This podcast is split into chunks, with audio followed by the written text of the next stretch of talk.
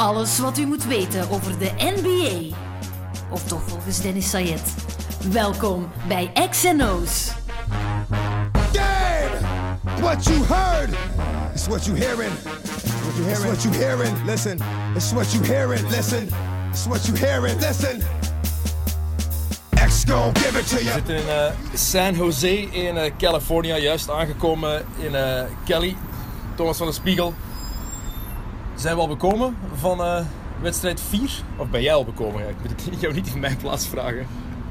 Ja, toch wel, maar ik ben wel heel blij dat ik erbij was. Want ik denk echt dat we een van de strafste aanvallende prestaties van een team gezien hebben ooit. En we waren daar live bij. Dat was toch wel eh, heel speciaal en heel indrukwekkend. Was een, eh, ja, het was een maffe match. Als u trouwens eh, omgevingsgeluid hoort, we zitten te wachten op eh, de shuttle die ons naar onze huurauto gaat brengen om naar San Francisco te rijden. Net geland, maar we moeten nog een klein uurtje rijden om helemaal in de bay te zijn. Zo bent u eh, op de hoogte van eh, onze situatie. We zitten buiten op een bankje te wachten op het eh, shuttlebusje. Eh, wat je zegt, ja, we hebben geschiedenis gezien gisteren. Hè? We konden geschiedenis meemaken om de eerste sweep van de playoffs mee te maken, te zien. En het is een ander soort geschiedenis geworden. Wat, wat, de Cavs hebben laten zien, zeker in de eerste helft.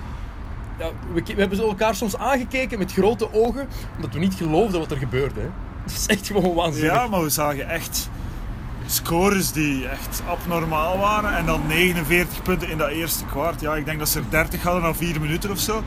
En dan 49 in het eerste kwart, 86 in een is- 86, ja, ja, het, was, het was ook 86-68, hè? Ze zaten echt op een bepaald moment op een ritme van 160, 170 punten in de wedstrijd. En dat, ja, dat is gewoon onvoorstelbaar. Vooral omdat je moet weten dat de Warriors eigenlijk de beste defen- defensieve ploeg eh, van dit seizoen waren in de NBA. Eh, het eerste kwart, je zegt 49 punten. Eh, het was indrukwekkend van de Cavs. Ik moet er ook meteen eerlijk bij zeggen dat Cleveland 20 vrijworpen heeft gekregen in, eh, in het eerste kwart. Ja, ze hebben er dan ook nog 7 gemist van die 20. Dus eh, eigenlijk, eigenlijk gek. Ze hadden eigenlijk 55 punten kunnen maken. Hadden ze een beetje hun vrijworpen afgewerkt zoals de Warriors dat normaal gezien doen. Voilà, eh, onze shuttlebus is er, dus eh, ja, we gaan de podcast er zo meteen verder opnemen. We zitten intussen in onze auto naar eh, San Francisco. Geen eh, vette bak, geen dikke bak, Thomas. Het is, u, het is toch uw schuld, hè? Het is toch zo flauw? Het is uw schuld, hè? Het is niet zo slecht. Nee, goed, we waren, waren bezig over, eh, over wedstrijd 4. Hè. Eh, offensieve match, offensieve eh, firepower. Wat LeBron eigenlijk ook al had gezegd na de eerste drie matchen, nooit zo'n vuurkracht tegen gehad eh, bij Golden State. En nu zat hij zelf in de ploeg die voor die firepower zorgde. En waar we zo over aan het zagen waren, de match daarvoor, er moest hulp komen, die was er nu. En de grootste naam die voor mij dan opvalt, die hulp, was Tristan Thompson. Geen vuurkracht van hem, niet dat hij 9 punten of zo? Vijf punten. Vijf punten maar. Vijf punten, 10 rebounds, 5 assists. Maar zo belangrijk voor de rest om die op gang te krijgen. Zo cruciaal. Ja, hij begon heel goed aan de wedstrijd. Hè. Een paar aanvallende rebounds. Heel goed aan het rollen in de pick-and-roll. Eh, en dan altijd de open man vinden. Eh, ja, een heel andere Tristan Thompson dan we gezien hadden eigenlijk eh, in de wedstrijd ervoor. En dat, ja, dat straalt toch een beetje af, die intensiteit op de rest van de ploeg. En als je dan ook J.R. Smith, hè, die zijn eerste twee, drie shots binnengooid hebt. Ja, dan weet je dat je je supportcast helemaal er anders uitziet dan de eerste wedstrijd. En dan heb je een heel andere wedstrijd onmiddellijk. En je zag meteen die houding van die ploeg ook helemaal veranderen. hè. Het was een heel ander Cleveland van bij het begin. En ja, omdat Thompson die aanvallende rebounds pakt, krijgen ze die, die tweede kansen als ze eens een shot missen. Wat niet vaak gebeurd is. Want het shotpercentage in de eerste helft was waanzinnig. Anders scoor je ook geen 86 punten. Natuurlijk, we zeggen allemaal van ja, het is een heel ander Cleveland. Ze hadden match 3 in de Quicken Loans ook in handen. Hè. En dan was het vandaag 2-2 geweest. Dan had niemand gezegd van de Warriors zijn de, zijn de Cavs aan het wegblazen. Dus het is wel een heel, eigenlijk een, ja, ook een beetje een vertekend verhaal. Omdat we zo onder de indruk zijn van die eerste twee wedstrijden van de Warriors. Die dan ook nog op een beetje ook miraculeuze wijze eh, game 3 winnen. Vooral door de Cavs. En ja, dan, dan krijg je game 4. denkt iedereen het wordt een sweep. En dan ja, speelt de Cavs toch weer een hele goede wedstrijd. Dus zo slecht zijn ze tot nu toe ook nog niet geweest. Ehm, het, is, het is gewoon vreemd. eh, maar het is wel mooi om te zien. Match 4 had eigenlijk match 3 moeten zijn. Op zich wel. Op zich wel. Maar eigenlijk waren ze in, in match 3, ondanks het feit dat de bank niet goed was, waren ze ook wel echt degelijk en hadden ze de wedstrijd kunnen winnen. Wel degelijk. Ja. Als je twee man hebt die elke wedstrijd tussen 70 en 80 punten samen maken, Kyrie en LeBron, ja, dan heb je altijd een kans om een wedstrijd te winnen. Wedstrijd 3, eerlijk zijn, de Cavs hebben gechoked. hè. Ja, ja, toch wel. De laatste drie minuten hebben ze niet meer gescoord. Nee, ze misten alles. Hè. Ze hebben nog vijf driepunters gemist. Ze- Ze hadden echt maar één shot moeten maken om te winnen. Om die zege veilig te stellen. Dat is niet gelukt. Eh, en dan denk je van oké, game 4. Heel benieuwd of ze dat kunnen, echt mentaal kunnen verwerken hebben. Maar als je dan ziet hoe dat ze alleen al aan die wedstrijd beginnen en eigenlijk volhouden tot het eind. Ja, Ik vond, ik vond het wel tof op de persconferentie achteraf. Vraag aan LeBron ook over eh, dat hij niet geswept werd. Hè. Eh, werd natuurlijk over tien jaar geleden gevraagd. De laatste keer dat een ploeg een sweep om de oren kreeg was Cleveland tegen San Antonio met LeBron die toen 22 jaar was. Piepjong. En zijn antwoord, yeah, I sucked back then. toen was ik zo slecht. Eh, nu een hele andere James was weer fantastisch, maar voor mij toch de speler waar we het vooral over moeten hebben. Waar we met open mond naar hebben staan kijken. Kyrie Irving. Die eerste helft alleen al. Ja, Heeft, heeft, drie, heeft hij drie shots gemist? Ja, de 11 eerste op- helft? 11 op 14, de eerste helft. Maar gewoon, ja, het was een clinic. Hè. Eh, het was echt, eh, hij deed alles. Als iemand floaters begint te scoren met zijn linkerhand, Niet één, hè? nee, twee in de eerste helft denk ik, ja, dan en echte floaters. Hè, dus vanaf 3, 4 meter, dan weet je van oké, eh, dit is gewoon ook een begenadigde dag. Eh, Hij is altijd goed, maar nu was hij echt, zeker in de eerste helft, fenomenaal. Dan in de tweede helft maakt hij eigenlijk op het moment dat de Warriors terugkomt tot 11 punten, wat voor de Warriors echt niet veel is, maakt hij een fenomenale drie punten. Ja, en dat was over en uit. Want we hebben het vaak over de beste ooit. Hè. Er wordt zo vaak over gepraat. Ik ken geen enkele guard, misschien op Allen Iverson en Isaiah Thomas vroeger, die zo kan scoren als Kyrie Irving. Echt point guard. Hè. Er is geen slecht shot voor Irving. Hè. Wat voor elke andere basketbalspeler een slecht shot is, is voor Irving goed. Want je weet dat hij dat toch kan scoren. Nog meer zelfs dan, dan Stephen Curry dat heeft. Nee, absoluut. Ik denk dat hij, heeft, ten eerste heeft hij die ongelofelijke handle, die hem al zeer, zeer moeilijk verdedigbaar maakt. Ja, en dan heeft hij eh, links, rechts, short jumper, drie punter en dan ja, eh, zijn beste vriend, eh, het bord. Eh, er is geen speler in de geschiedenis van basketbal die het bord beter gebruikt om te finishen dan, eh, dan Kyrie Irving. We hebben het al zo vaak gezegd en we- we weten dat we in herhaling vallen daarover, maar het is, en als je het in levende lijven ziet, is het nog, nog indrukwekkender. Want die defense, hij staat tegenover een Clay Thompson die deze serie, deze playoffs fantastisch aan het verdedigen is. Het is geen Draymond Green of Kawhi Leonard in defense, maar het is wel net daaronder. Het is een elite verdediger Thompson. En toch gaat Irving 35, 40 punten scoren zonder dat hij moeite lijkt te moeten doen. Terwijl hij tegenover een fantastische verdediger staat. Ja, dat, dat heeft ook te maken natuurlijk met dat hele arsenaal dat hij heeft. Hè. Eh, Thompson mag niet het risico nemen dat hij geklopt wordt eh, off the dribble. Dus ja, hij moet hem een beetje afstand geven. Ja, en dan als die drie punters vallen, dan wordt hij heel moeilijk verdedigbaar.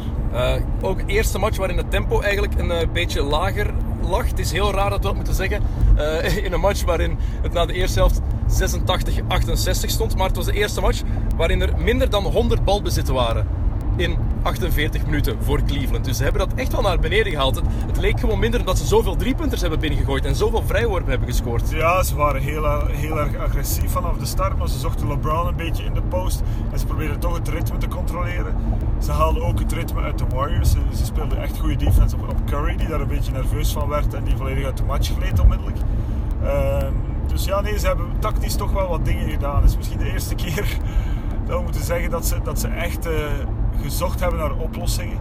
Um, en die ook wel een stuk gevonden hebben. Maar natuurlijk, we moeten ook eerlijk zijn, als ze niet die 24 driepunten scoren en als ze niet die begenadigde offensieve dag hebben, ja, dan wordt het nog altijd zeer moeilijk tegen Warriors die eigenlijk totaal niet goed waren, maar die er toch ook weer in slagen van een wedstrijd te spelen die ze eigenlijk, we hebben echt op drie, vier minuten van het einde nog altijd gedacht dat ze die konden winnen. Dus uh, dat is de sterkte van de Warriors. Ze moeten zelfs niet top zijn om 120 punten te scoren en tegen iedereen te kunnen winnen dat was, dat was belachelijk. Hè. Tot drie minuten voor het einde hadden wij echt het gevoel... Ja, Golden State is nog niet uitgeteld. Het was 16 punten verschil en toch wist je... Ze kunnen zo terugkomen. Ze kunnen zo terug in de match geraken. Um, terwijl alleen Kevin Durant offensief weer al goed was. Uh, perfect ingedeeld zijn wedstrijd. Stephen Curry, wat hij zei, goed uit de match geha ge gehaald, gehouden. En laten we eerlijk zijn, eerste match deze playoffs waarin Curry echt zakte. Hij was echt slecht. Ik vond hem tenminste echt ja, slecht. Ja, totaal geen impact. En hij ging een beetje gewoon met de flow, maar dat kan je echt niet doen. Je moet die wedstrijd echt vastpakken. Hij, hij leek niet locked in en hij was eigenlijk niet klaar. Hij was mentaal een beetje nonchalant. Ehm, en dat, dat, dat kan je eigenlijk niet permitteren. En dan zie je natuurlijk het verschil met de echte, echte grote zoals Durant. Uh, die overkomt dat niet zoals James. Uh, dat overkomt die niet. Uh, die staan er altijd als ze er moeten staan. Dus Curry is geen echte, echte grote? Maar hij, is de beste shot, hij wordt sowieso de beste shotter in de geschiedenis. Ehm, daar kunnen we echt zeker van zijn dat hij alle records gaat verpulveren. Ja. Maar als je een echte, echte grote bent, dan sta je er zeker in de finals elke wedstrijd. De eerste drie matches stond hij er wel, hè? want ja, ja, was, ja we, we, hadden echt. Maar, maar dat, eigenlijk moeten we een beetje zeggen van. Er was nog een mogelijkheid dat hij MVP kon worden bij een slechte wedstrijd van Durant bijvoorbeeld, als de Warriors zouden winnen. Uh, maar die kans heeft hij nu verkeken. Ik vond, uh, ja, ik vond, ik vond tot gisteren dat het een duo MVP had moeten zijn met uh, Curry en Durant. Want ik vond Curry deze playoffs fantastisch. Ik vind het heerlijk ja, om te zien spelen, net zoals ik Irving zo graag zie spelen. Hij is wel een hele grote, want ik ben ervan overtuigd dat hij, dat hij in Game 5 uh, sowieso een bounce back zal hebben. Oh ja, in eigen huis zeker. Ja, dat hij, het is niet dat hij uit vorm is. Hij heeft ooit eens een, een, een slap gehad. Uh, en vorig jaar zelfs in de playoffs. En na zijn knieblessure was hij de hele tijd niet echt op topniveau. Enkel tegen Portland heel even had hij nog iets goed toen hij terugkwam naar die, naar die blessure. Maar wat je zegt was... Dit was zo'n beetje wraak voor hem. Een revanche nemen na die playoffs van vorig jaar. Um, ik denk dat hij dat morgen inderdaad terug gaat laten zien. Um, je zei tactisch dingen aangepast. En wat mij heel hard opviel, is dat ze Draymond Green echt zijn shots lieten pakken. En Green kan amper scoren in deze serie. Wat hij in de vorige drie rondes echt wel deed, lukt hem nu niet. En gisteren heeft Cleveland Green meer shots laten pakken dan Curry of Clay Thompson. En dat is een heel andere aanpak defensief die we in de eerste drie matchen niet hebben gezien. Ja, ze doen hem, het is niet dat ze hem open open laten, behalve misschien die eerste drie punten die hem echt gegeven werd gisteren. Maar uh, ja, ze doen hem toch nadenken. Uh, en dat heeft hij niet graag, want hij is ook een instinctspeler. En uh, ze gaan zo net ver genoeg staan om hem te laten nadenken van moet ik dit shot nemen of niet, is dit een goed shot? En dat haalt een beetje het ritme uit de aanval, dus nee, ze slagen daar wel in. Ik moet ook wel zeggen dat Green gisteren er af en toe ook wel uh, mentaal niet helemaal bij was. Een paar hele slechte beslissingen. Um, terug misschien iets te veel met, de, met het publiek. Um, interageren, uh, om het mooi te zeggen. Ja, het was, dus, was mooi, was ja, mooi verwoord. Ja, uh, ja, je het het publiek op een bepaald moment echt op en dan, dan ben ik ervan overtuigd dat je gewoon echt gefocust moet zijn op die wedstrijd je speelt daar voor een NBA-titel, uh, dat moet je helemaal niet laten doen door dat publiek. Maar dat, dat, dat heeft het uh, Clevelandse publiek natuurlijk uh, heel goed begrepen met, met, met Green, hè, dat ze hem echt uit de wedstrijd kunnen krijgen.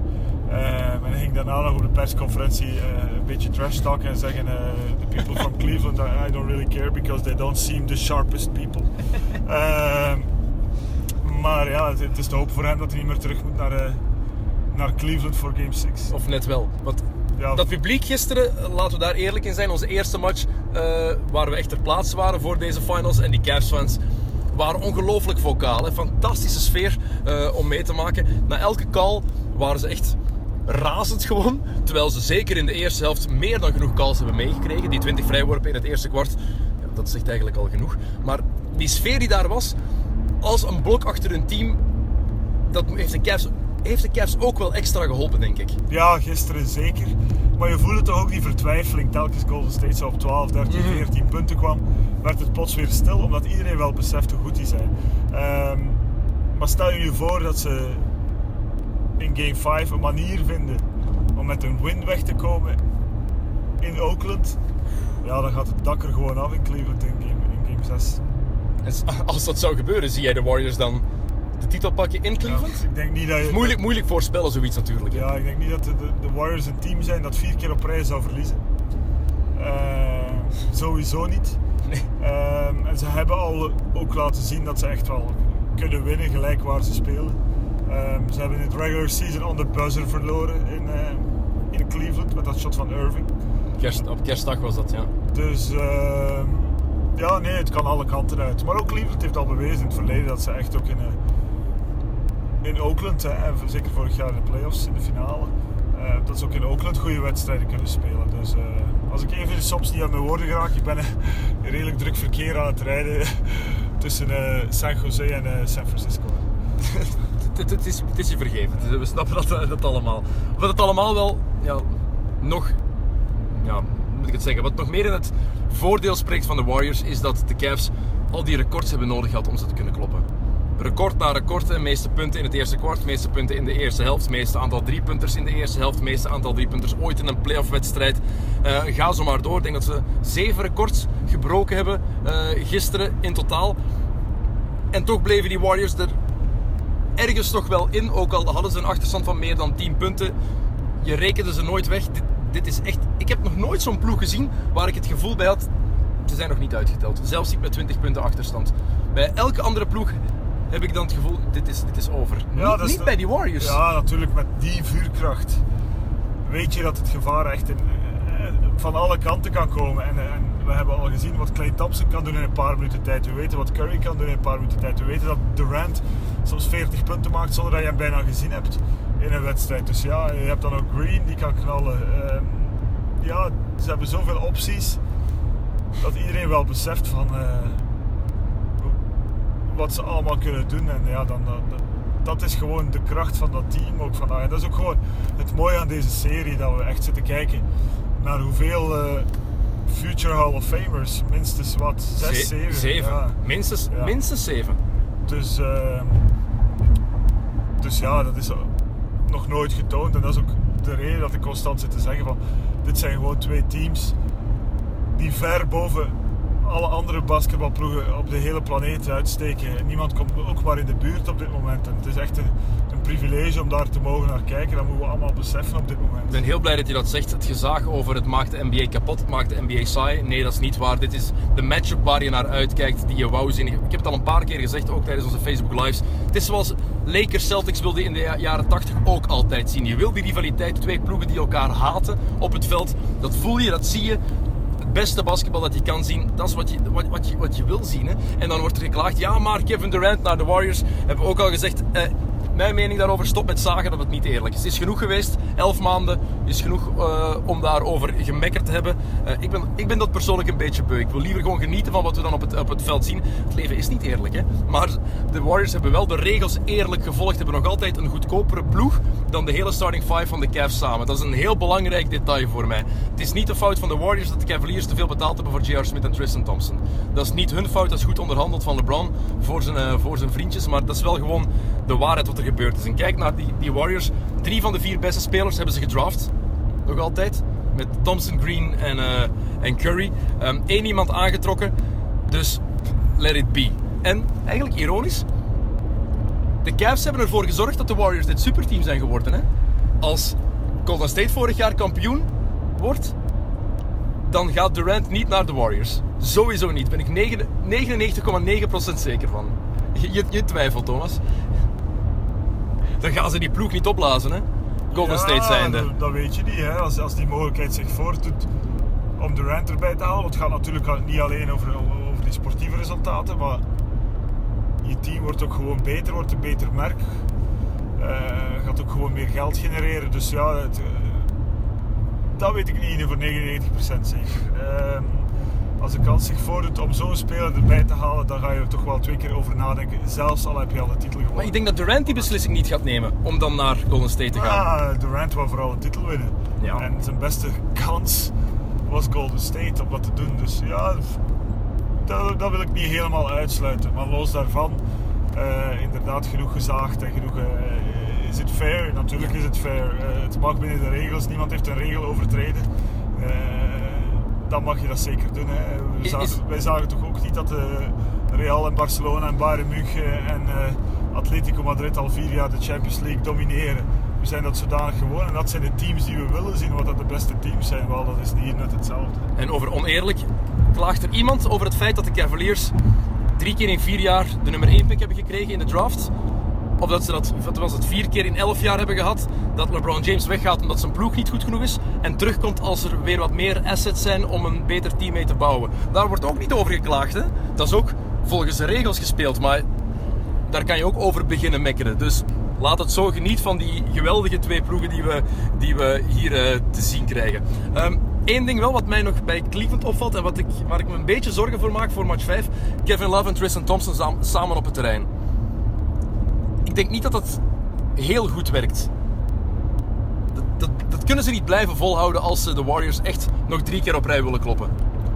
Nee, natuurlijk. eh, dat werkt niet fantastisch, maar als Love 6 op 8, denk ik gisteren, Ja.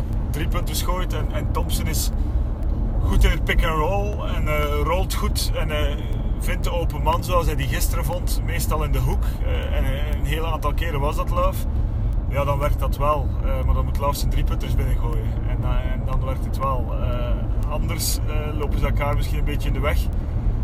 Ehm, en worden ze ook wel wat gedomineerd. Ehm, maar dat is natuurlijk. t- veel hangt af echt bij Cleveland of hun, of hun driepunters vallen. De eerste drie wedstrijden was dat niet het geval. Ehm, Game 4 was dat wel het geval. Dus ja, dat, dat, ik denk dat dat de deciding factor wel eens zou kunnen zijn terug. We hebben het er in onze Facebook Live ook al even over gehad. Maar als de Cavs de titel niet winnen, moet Kevin Love dan getrade worden? Ja, het is te zien wat je ervoor terugkrijgt. Hè. Als, als het voor Paul George is, zou ik het toch wel overwegen. Dat is de naam. Ja, overwegen. Ik zou dat meteen doen. Als ik Dan Gilbert eigenaar en eh, Griffin, David Griffin de, de gen- general manager ben, dan is dat toch een no-brainer. Ook al is het maar voor één jaar. Ik denk dat Paul George wel gaat Ja, bijtekenen. ja, maar je moet natuurlijk wel, eh, als Paul George komt, moet je ook wel gaan nadenken van, want met- alleen Tristan Thompson en, eh, en LeBron op vier, wat, wat niet zijn natural fit is, eh, ja, moet je ook wel gaan nadenken van wat, wat, wat, moet er nog bij inside. Hè? Je Maar- moet ook niet gaan denken van, en dat, dat hebben de Warriors bijvoorbeeld fantastisch gedaan met McGee, hè, want dat wordt wel een beetje onderschat. Maar fantastisch eh, om daaraan te denken, om iemand die ook een stuk verbrand is erbij te nemen. En die, die is van goudwaarde geweest dit jaar voor de Warriors. Dus daar moeten ze wel even over nadenken van eh, wie kunnen we daar nog krijgen om inside. Tavares, die, daar, daar rekenen ze echt op voor de komende jaren, denk ik. Dat ze die wat meer willen ontwikkelen. Is een Ja. ongelooflijk grote gast. eh, is nu nog niet helemaal fit, maar Ik geloof er niet 100% in, zeker niet voor volgend jaar al. Eh, dus er moet sowieso nog iemand bij inside als je voor Paul George gaat. Eh, nog één ding over de match van eh, gisteren, waar we het over moeten hebben. Ehm, we mogen er eigenlijk niet te veel over praten. Ehm, de scheidsrechters. Ja, die waren niet goed. Hè. Eh, Het is een understatement. Ja, er waren wel heel veel emoties. Ehm, er werd heel veel getrashtalkt van in het begin. hè. Het, het, het was geen, de wedstrijd was geen cadeau. Eh, elke call werd gecontesteerd, ook als die goed was. Wat in de NBA zeer uitzonderlijk is. Maar iedereen, en zeker de Warriors, wat, wat, wat mij ook wel heel erg vreemd leek. Want normaal gedragen die zich meestal waardig. Maar Kerr vanaf eh, de eerste seconde begon elke call te contesteren. Zelfs Durant met die, die ene fase met Kevin Love daar. Durant, Curry, die, die telkens eh, hij een call tegen kreeg, contesteren. Dus ja, de sfeer was om, zat onmiddellijk niet goed. Er werd heel, heel, heel fysiek gespeeld op een bepaald moment ook. Ja, en dan hebben ze een paar echte cruciale fouten gemaakt. Hebben ze echt verkeerde beslissingen genomen. Ze werden ook niet geholpen door het replay center, die er volgens mij ook naast zaten, twee, drie keer. Dus ja, het was een, een ongelukkige samenloop van omstandigheden. Want laat ons wel zijn, het zijn zeer goede scheidsrechters. En de NBA wordt altijd als voorbeeld genomen van hoe moderne arbitrage er moet uitzien. En heel vaak is dat het geval, dat is terecht. Eh, maar het was echt niet goed. Ehm, dus ja, er zal wel druk zijn op de scheidsrechters bij de volgende wedstrijd. En deze drie, Eh. gaan, deze drie gaan wel geen match meer fluiten Nee, in de die finals. gaan, die gaan we normaal gezien niet meer zien. En zeker niet in die combinatie. Maar, moet ook eerlijk zijn, dit is wat in de NBA zijn de beste scheidsrechters van de wereld in het basketbal. Maar deze drie zijn, die combinatie, Mark Davis, eh, Mike Callahan, je hebt er betere rondlopen die we al gezien hebben. En dan vind ik het vreemd, er is zoveel rust in deze finals. Waarom hou je niet gewoon hetzelfde team voor de hele finale? De driezelfde scheidsrechters. Je hebt drie dagen rust tussen elke match. Ja, maar dat, dat creëert echt... Nee, dat, dat is echt... Ik geloof niet in, het, eh, in een vast team van scheidsrechters. Als dat Eh, werkt. Ja, maar dat, dat werkt gewoon niet. Omdat je dan... Je krijgt dan een, bepaalde gewoonte eh, tussen spelers en scheidsrechters die niet goed is voor het spel.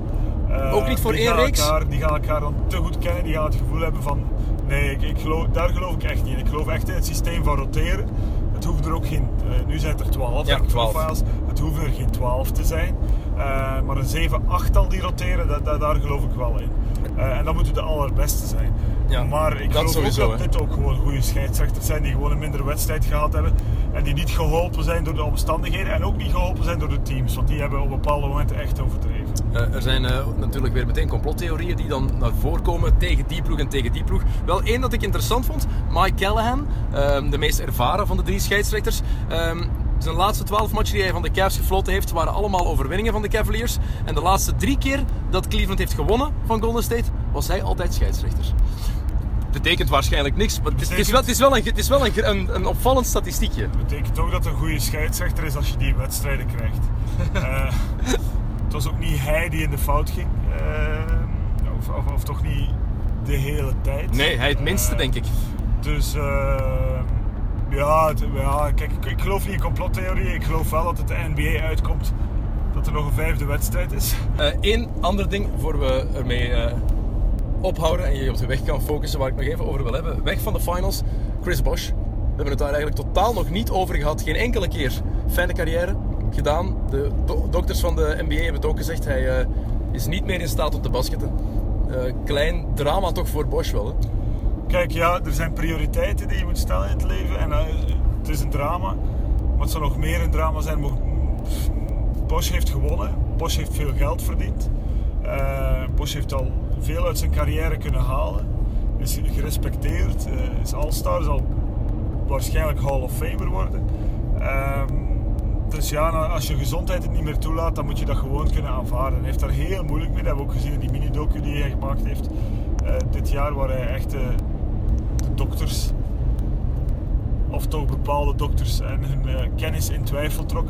En als je nu ziet dat hij niet meer gekleurd wordt, ja, dan, moet je, dan moet je dat gewoon aanvaarden. Dan moet je weten eh, dat er soms zaken zijn die je niet kan controleren en moet je je daar gewoon bij neerleggen. Dat is heel jammer. Eh, maar tegelijkertijd, kijk, we, we hadden deze week een draft prospect uit Frankrijk van de 7 foot 2. eh, die tijdens de NBA pre-draft workouts eh, medische check-up kreeg. Jean heet hij, ik denk Michael Jean. Ja. En, eh, en waarbij de ziekte van Marfan werd vastgesteld. En dat wil zeggen dat die jongen eigenlijk niet meer in aanmerking gaat komen om nog op basketbal op hoog niveau te spelen. En dat is pas een, dat is een veel groter drama, vind ik dan, dan Bosch. Die eigenlijk jaren aan een stuk eh, absoluut alles uit zijn carrière kunnen halen heeft. Eh, Zo'n jongen krijgt niet eens een kans. En dat vind ik dan veel erger dan een Bosch. Dus ja... Bosch zal er zich bij moeten neerleggen ehm, dat zijn gezondheid het niet meer toelaat. En er zijn nog zoveel andere dingen in het leven dan, eh, dan basketbal spelen. Eh, en hij heeft er het geld voor en hij heeft er eh, ook de intelligentie voor. Want het is, geen, het is, het is ook eh, gewoon een, intelligente, intelligente jongen. Dus eh, maak daar maar werk van. Hij heeft wel een ander bedrijf, de Nice Tie heet dat volgens mij. Een bedrijf dat dassen maakt, stropdassen, daar is hij al mee bezig. Dus ehm, mooie nuchtere analyse, Thomas. Eh, laatste voorspelling morgen, eh, match 5. Ik denk dat het morgen gedaan is. Ik denk dat de Warriors in eigen huis de titel binnenhalen. En dat zou, zou voor het eerst zijn dat Golden State, dat de Bay Area een titel thuis mag vieren. Ze hebben twee titels gewonnen in Philadelphia. Twee als Golden State Warriors. Twee keer was het op verplaatsing. Eén keer in Cleveland, één keer in Washington in 75. Ik denk dat het nu in de Oracle Arena gaat gebeuren. Ja, ik denk dat ze er ook allemaal op hopen natuurlijk. Hè. Eh, maar ik ben er ook van overtuigd eh, dat het voorbij zal zijn. Net zoals ik er eigenlijk van overtuigd was bij Game 4. En we zullen het zien. Hè. Eh, maandagnacht van maandag op dinsdag live te zien op eh PlaySports om eh, drie uur s'nachts. Wij zullen er zijn live in de Oracle Arena. En hopelijk zit u gekluisterd aan uw televisie of stelt u zeker uw digibox of een digicorder. Come on. First we gonna rock, then we gonna roll, then we let it pop, don't let it go. X gon' give it to ya, he gon' give it to ya. X gon' give it to ya, he gon' give it to ya.